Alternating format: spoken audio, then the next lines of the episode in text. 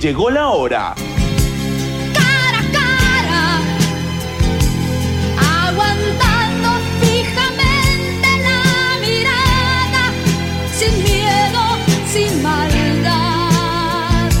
Esta noche tenemos cara a cara para escuchar a los dos principales partidos. Cara a cara, nos volvemos a ver.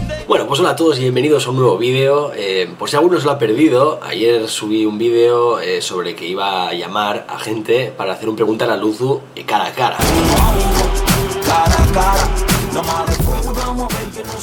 Saudos, este o cara a cara de Pontevedra, viva radio. E hoxe imos falar eh, de lectura de libros e máis concretamente da Librería Paz eh, que este 2017 cumpre 50 anos. E temos con nós eh, para coñecer esta historia e esta actualidade a Cano Paz. Benvido. Hola, moi boas. Medio século eh, Cano dun, dun sector que mudou eh, moitísimo, como outros evidentemente, pero pero este eh, moitísimo. Imos 50 anos atrás, cando os teus pais e Isidro Paz e Dolores eh, García e abren esa, esa librería. Por que este negocio e, e non outro? Eh, o fondo de todo non o coñezo. Eh, eles estuveron emigrados, bueno, meu pai máis que a miña nai, pero estuveron os dous en, en Caracas, en Venezuela, unha porrada de anos. E a volta, mmm, pois montaron isto. Eu sei que meu pai tiña unha idea de montar unha imprenta porque el, bueno, o meu avó tuvo imprenta e, e el en Venezuela chegou a ter unha imprenta uh -huh.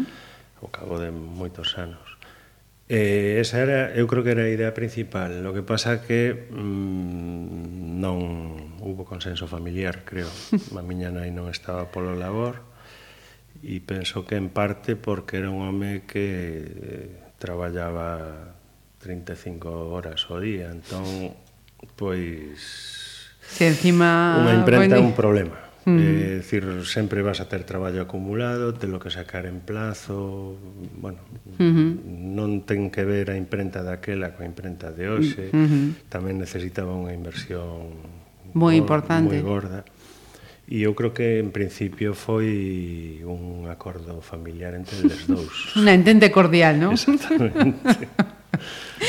eh, ambos os dous eh, estaban eh, aí ao, ao pé do, do mostrador. Sí, sí, sí. Ten habido eh, empregados, empregadas, eh, pero, bueno, les dous sempre estuveron moitas horas. Eh, uh -huh. Como curiosidade contar, que cando eles abriron eh, Portela, o que, bueno, Portela que tuvo imprenta, uh -huh. bueno, Portela tiña unha papelería en Michelena, un pouco máis pa diante, bueno, no seguinte tramo de aquí, eu ainda me acordo. E, e Portela lle prestou, entre comillas, un empregado. Anda porque eles viñan novos, non coñecían, non sabían moi ben aínda como era o tema, uh -huh. e aquel home, que ainda me acordo del, Germán, creo que era Germán, eh, estuvo un tempo, non sei, non sei decir canto tempo, pero uh -huh. desde logo no arranque da librería si sí estuvo eh, pon eso, porque uh -huh. Portela lle, lle dixo a un alguén que traballaba ali na súa que fora axudar a estos dous que empezaban. Uh -huh. eh, decías, eh, tes unha irmá. Uh -huh. eh, cales son os, os primeiros recordos que Cano ten da, da librería? As primeiras eh, imaxes eu, na tua memoria. Mm, eu lembro, non sei de que anos, pero de, de cando estaba no cole, Eu, si salía, eu um, sempre fui unha persona que non podía ir a estudiar despois de sair do cole. Entón, a miña nai deuse conta deso, entón salía do cole, deixaba a carteira ali e marchaba a xogar. Despois volvía, era cando facía os deberes. Ajá. E do primeiro que me lembro é de estar sentado na escaleira que hai para subir a parte de arriba, lendo.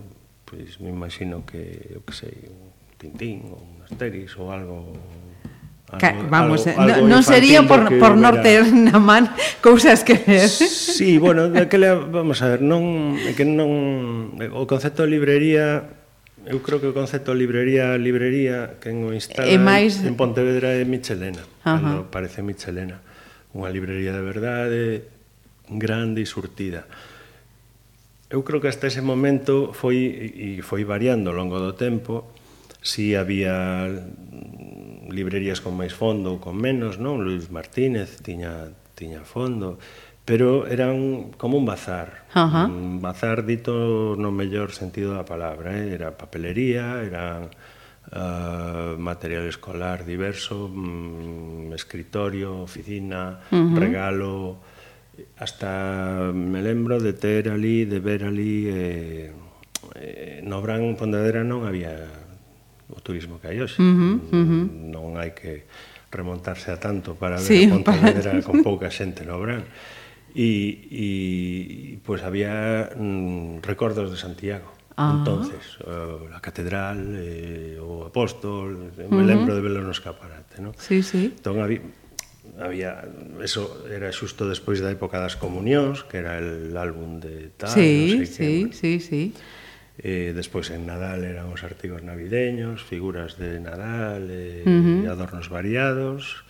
E o que nunca se meteron foi no Antroido, que tamén o artículo uh -huh. de, de Antroido tamén cabía nas papelerías. Nas papelerías, certo. Uh -huh. Sí, sí.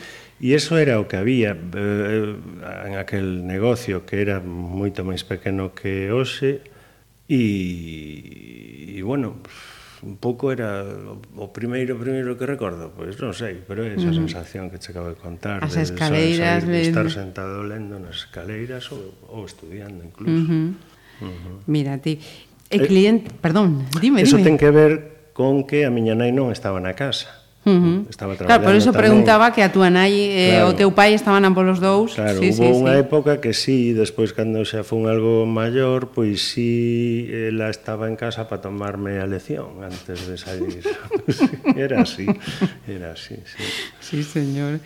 Mira, eh, ti lembras eh, falar eso aos teus pais, eh, de, dos clientes, da, da xente que houbera pues eso, xente que, que, que viña continuamente, os clientes asiduos a comprar, a preguntar sí. por libros, por... Sí, había libreta, como se fora unha tenda de alimentación. Eu creo que calquera uh -huh. negocio desa época tiña unha libreta. Entón, unha libreta, unha libreta significa que tes clientes fixos. Uh -huh.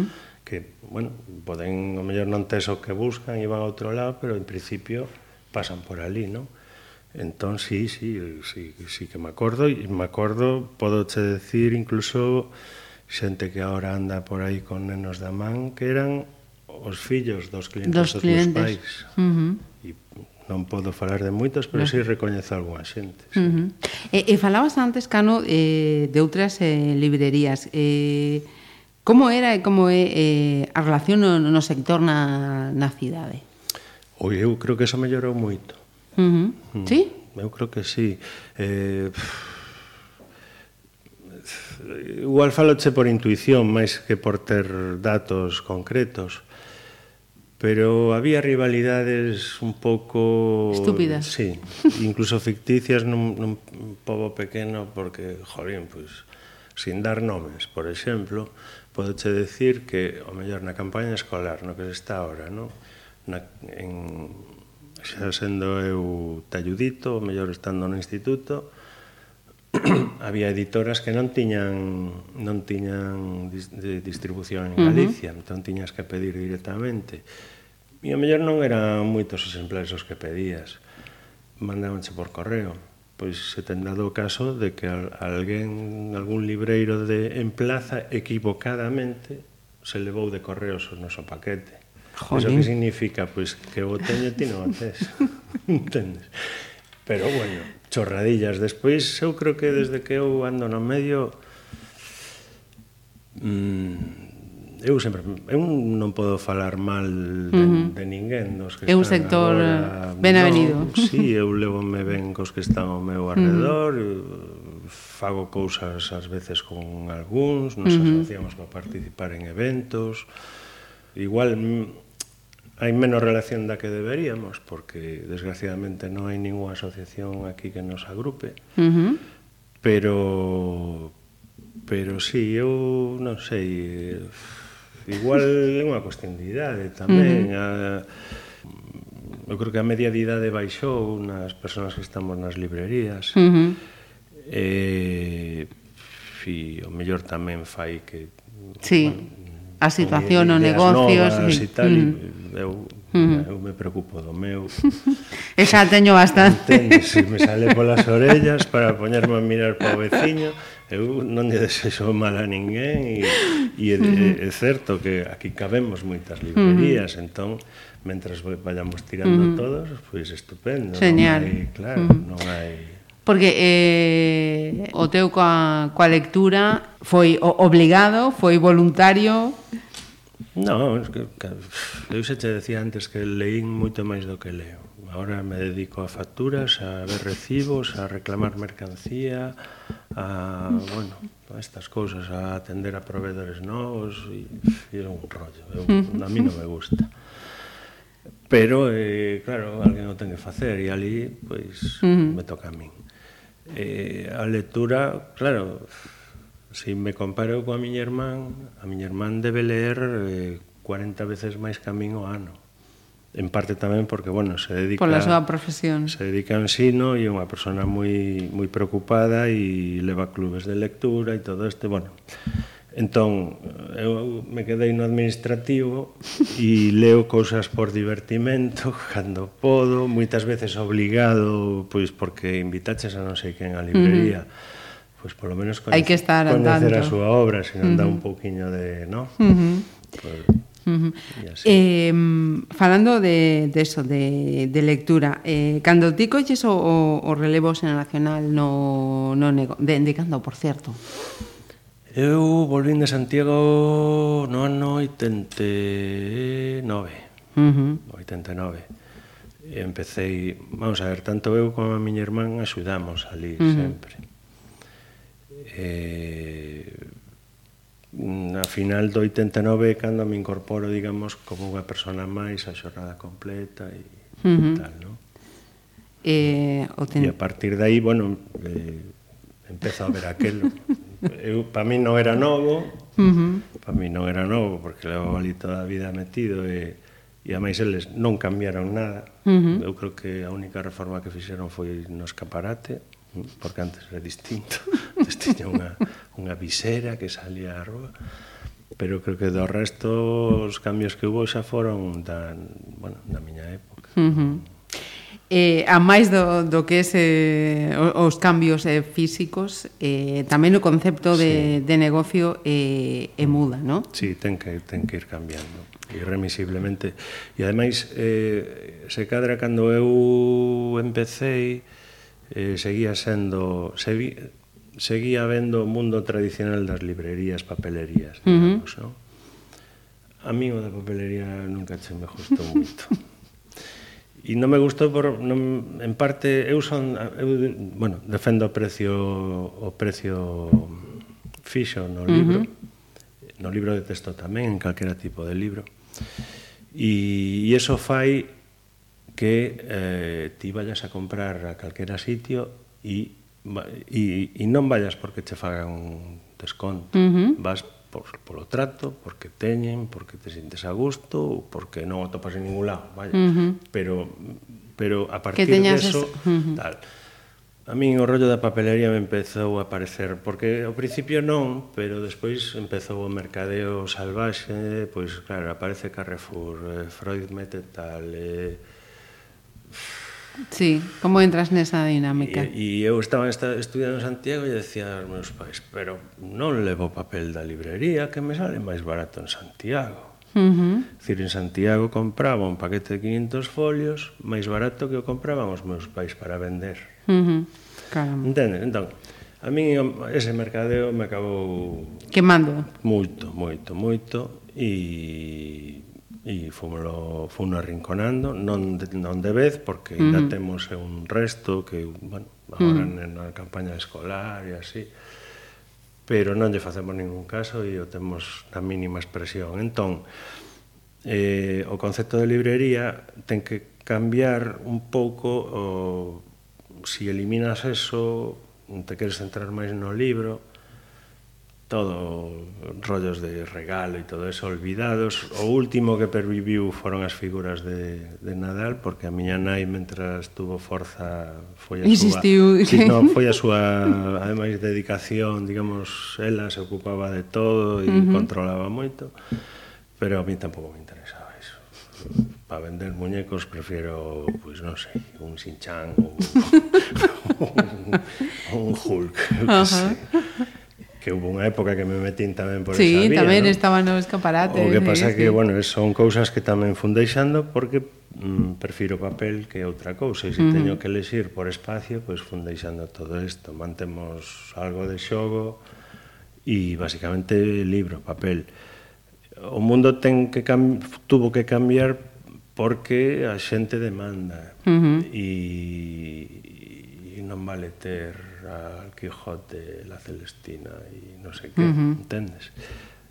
Pouco a pouco fun collendo esa vía pouco a pouco porque porque ter unha librería é moi costoso.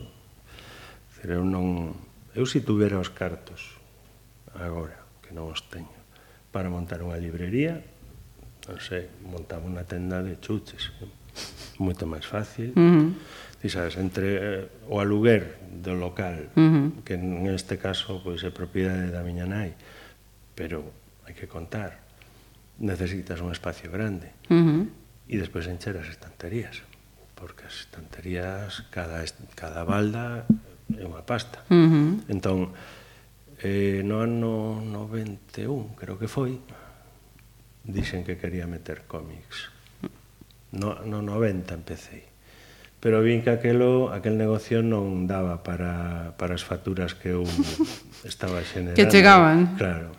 Entón, collín, empecé a facer nos brás as feiras do libro. Uh -huh. Empezaba... E digamos que nese periplo de, de feira, de feira, feira, forro a forro, é dicir, todo o que salía das feiras iba para a librería. Para... Uh -huh. Ahora vamos a pedir, pois, desta editorial que casi non temos nada, pois, ras. Uh -huh final de cada brán, facendo contas, co agravante que seguín facendo o mismo, compraba máis que o que que o que, se vendía. Que, que se xeneraba de venta e uh -huh. E así. Entón, bueno, hubo uns anos apretados por porque me, bueno, por, tamén un pouco por descoñecemento do negocio, uh -huh. hai que dicilo todo, non? Porque unha cousa é entusiasmarse e outra cousa é deixar as dúas velas a, a, a casa, non? Pero bueno, pouco a pouco, así fun e mm, o, despois do tema dos, dos tebeos, que xa é unha cousa que, digamos, consolidamos hai moitos anos, decidín facer unha librería en condicións dentro das posibilidades uh -huh. que dá o local e dos cartos. Claro. Uh -huh. E fomos mellorando en fondos hasta hoxe. Esa, Uh -huh. Esa toda a historia. Mirando por internet, por esa ventana tan indiscreta que é internet, uh -huh. eh, se hai unha referencia, como ti decías, esas, eh, mm, esa mira que ti eh, tiñas no, no comeche, hai unha referencia a librería en Pontevedra, dende logo todos, todos falan de... Sí, de porque non hai máis, entre outras cousas, entón uh -huh. é fácil falar. Cando non hai...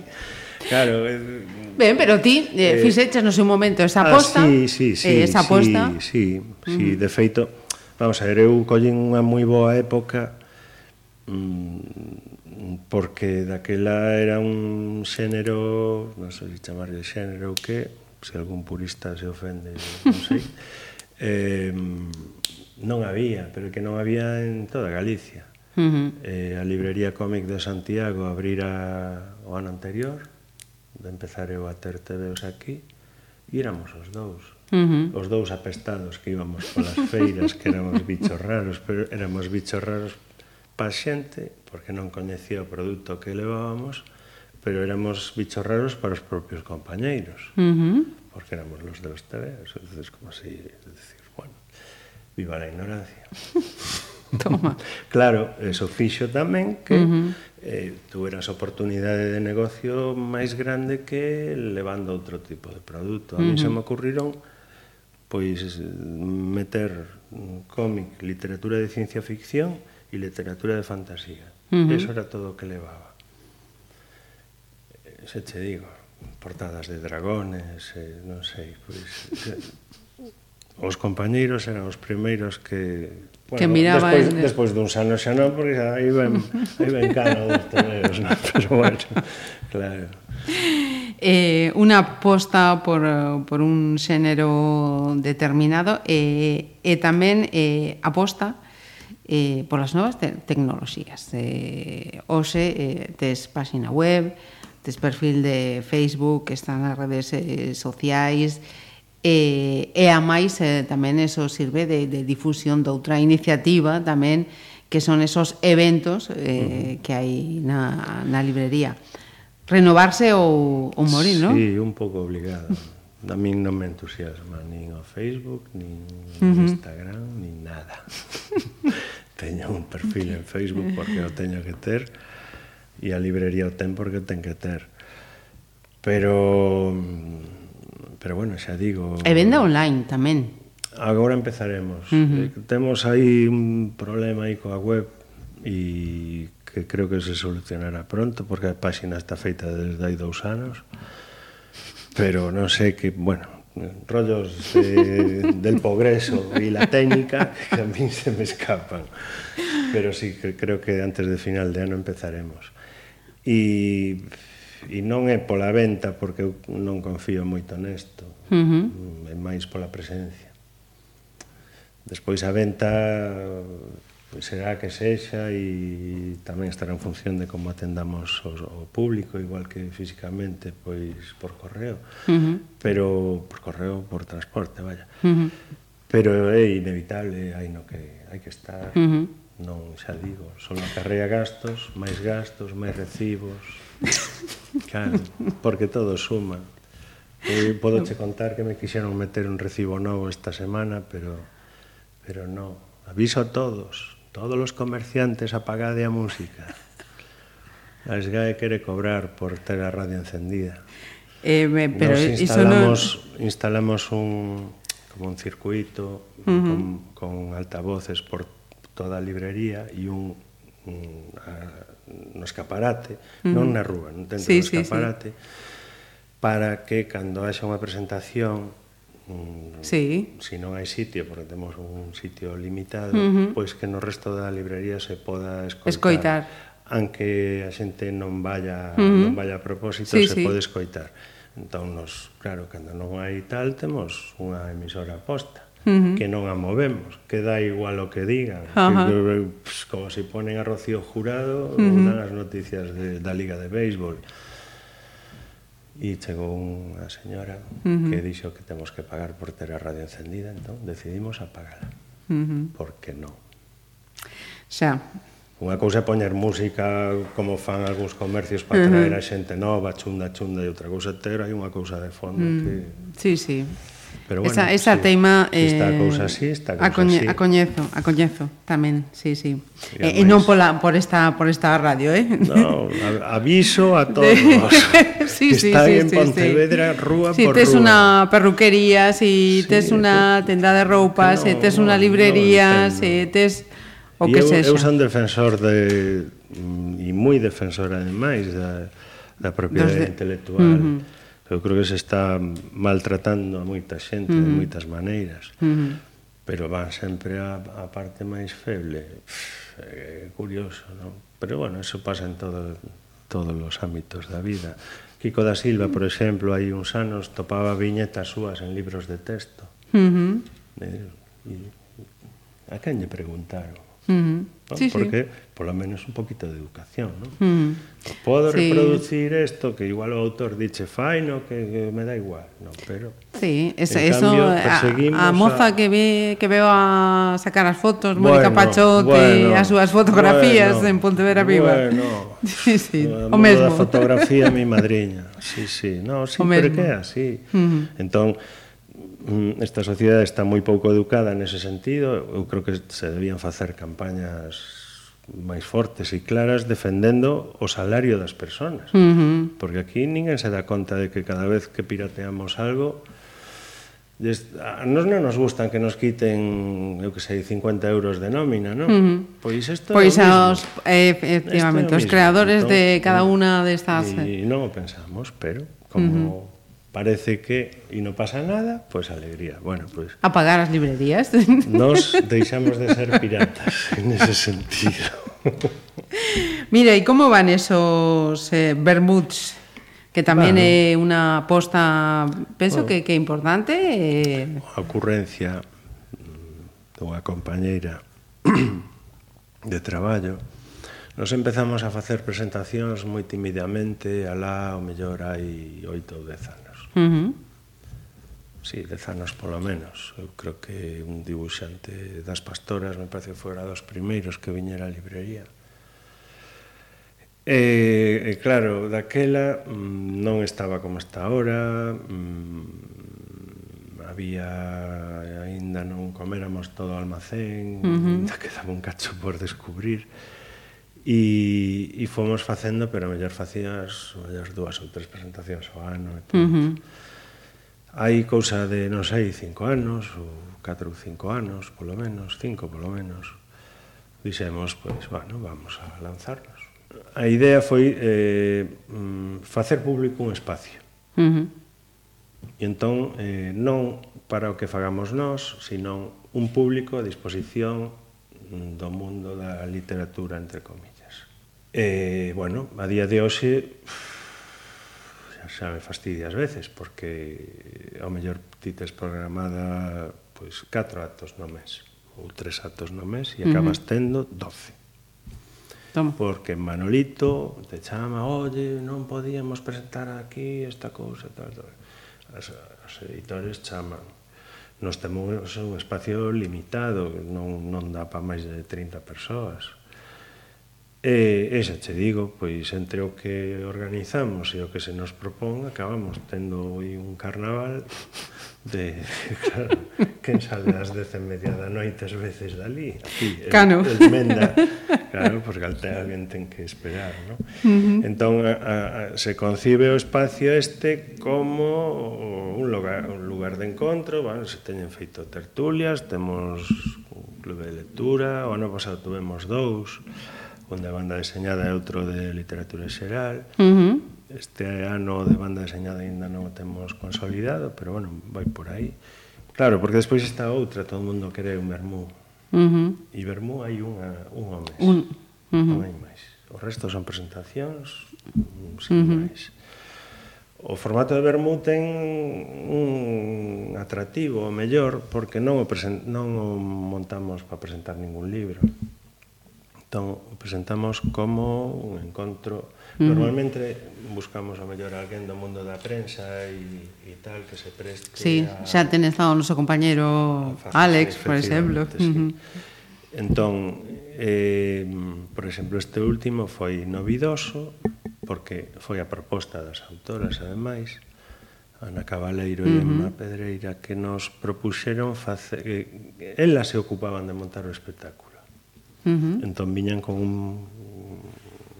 un algo preparado e a verdade que foi moi divertido. Uh -huh. Eu creo que dos máis divertidos que hubo desde que empezamos a facer isto. Tamén, uh -huh. despois sales as dúas e media, uh, un día que estuvo Luis da Vila ás tres e cuarto estábamos ali con unha señora de Ferrol que o quería levar, que lle presentaba a súa filla e que o invitaba a comer anedotas hai moitas, uh -huh. pero bueno, te significa, uh -huh. bueno, máis horas de estar ali, uh -huh. pero tamén, bueno, se si, si o pasas ben.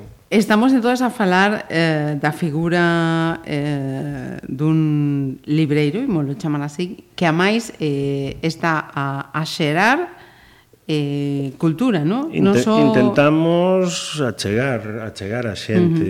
Uh -huh. Todas, decir, o 80% destos actos eh, non é o que vendes no acto. Uh -huh. O mellor vendes tres exemplares, cinco exemplares, o que sea, doutros máis, pero bueno. Eh, eso xe, eh, normalmente o que xenera é que vos estades atentos uh -huh. e lle dades publicidade a esa persoa e a ese libro que sea. Uh -huh. E entón, para mí, eso xa ten valor. Uh -huh. É que non é algo que, que sexa pensando en, uh -huh.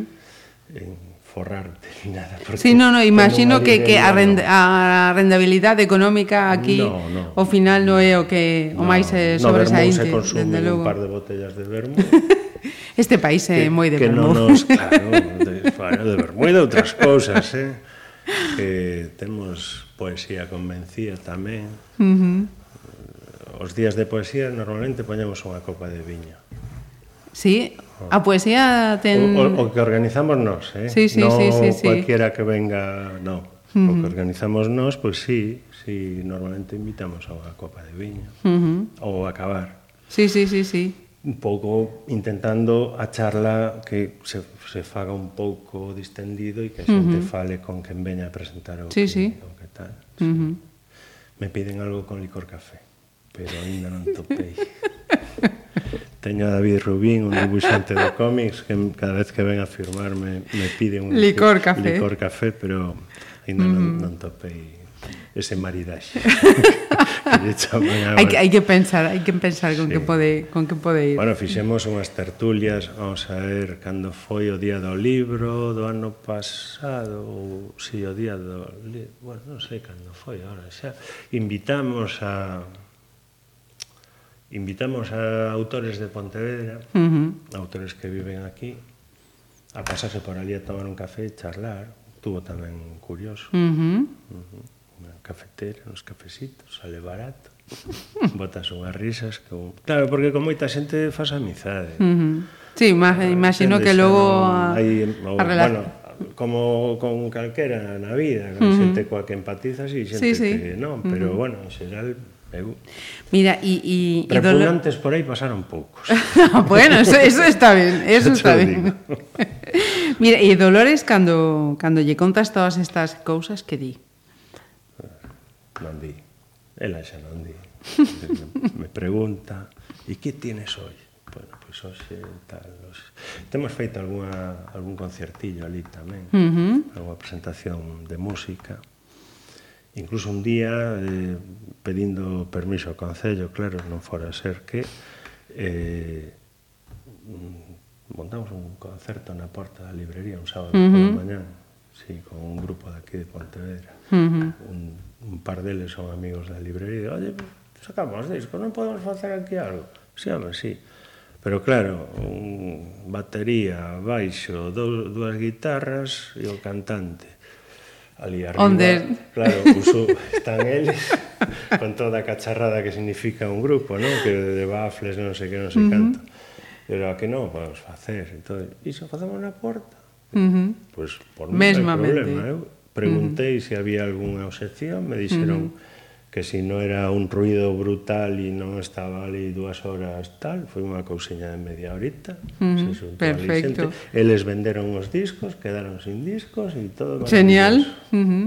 Falaba antes de deses eh, iniciativas, deses comentarios e historias que quedarán en Facebook, pero dende finais de, de suyo, que foi cando mm. se cumpriu a data dos, dos 50 anos. Uh -huh. eh, moita xente pasou o, o, o non pola librería, decir, eh, oh, felicidades ou noraboa, bueno, que veñan eh, outros 50 sí, máis. Sí, ou... sí, que, sí, así os, os máis amiguetes, sí. Uh -huh. sí non... E ti cantos anos tes? Outro día me dixo, si isto ten 50, ti cantos anos tes? Porque eu levo vindo por aquí desde que tiña non sei que, e agora teño 30, non sei que. Bueno, pois pues, bota contas, tío. Fácil, non? Uh -huh. eh, sí, hai xente, sí, claro, uh -huh. sí. Afortunadamente temos clientela consolidada, digamos, consolidada, uh -huh. bueno, amigos, fiel. ¿no? E fiel e amigos, uh -huh. que non ten que ver e mola máis eso de amigos que que a fidelidade. Que la fidelidade sí, sí, sí. Se pode ser amigo con moitas amizades e sendo igual de Efectivamente, uh -huh. efectivamente.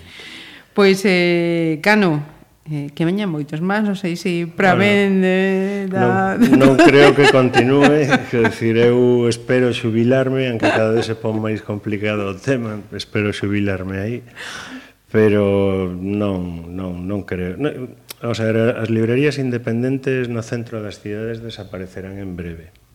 En breve, digo, moi breve.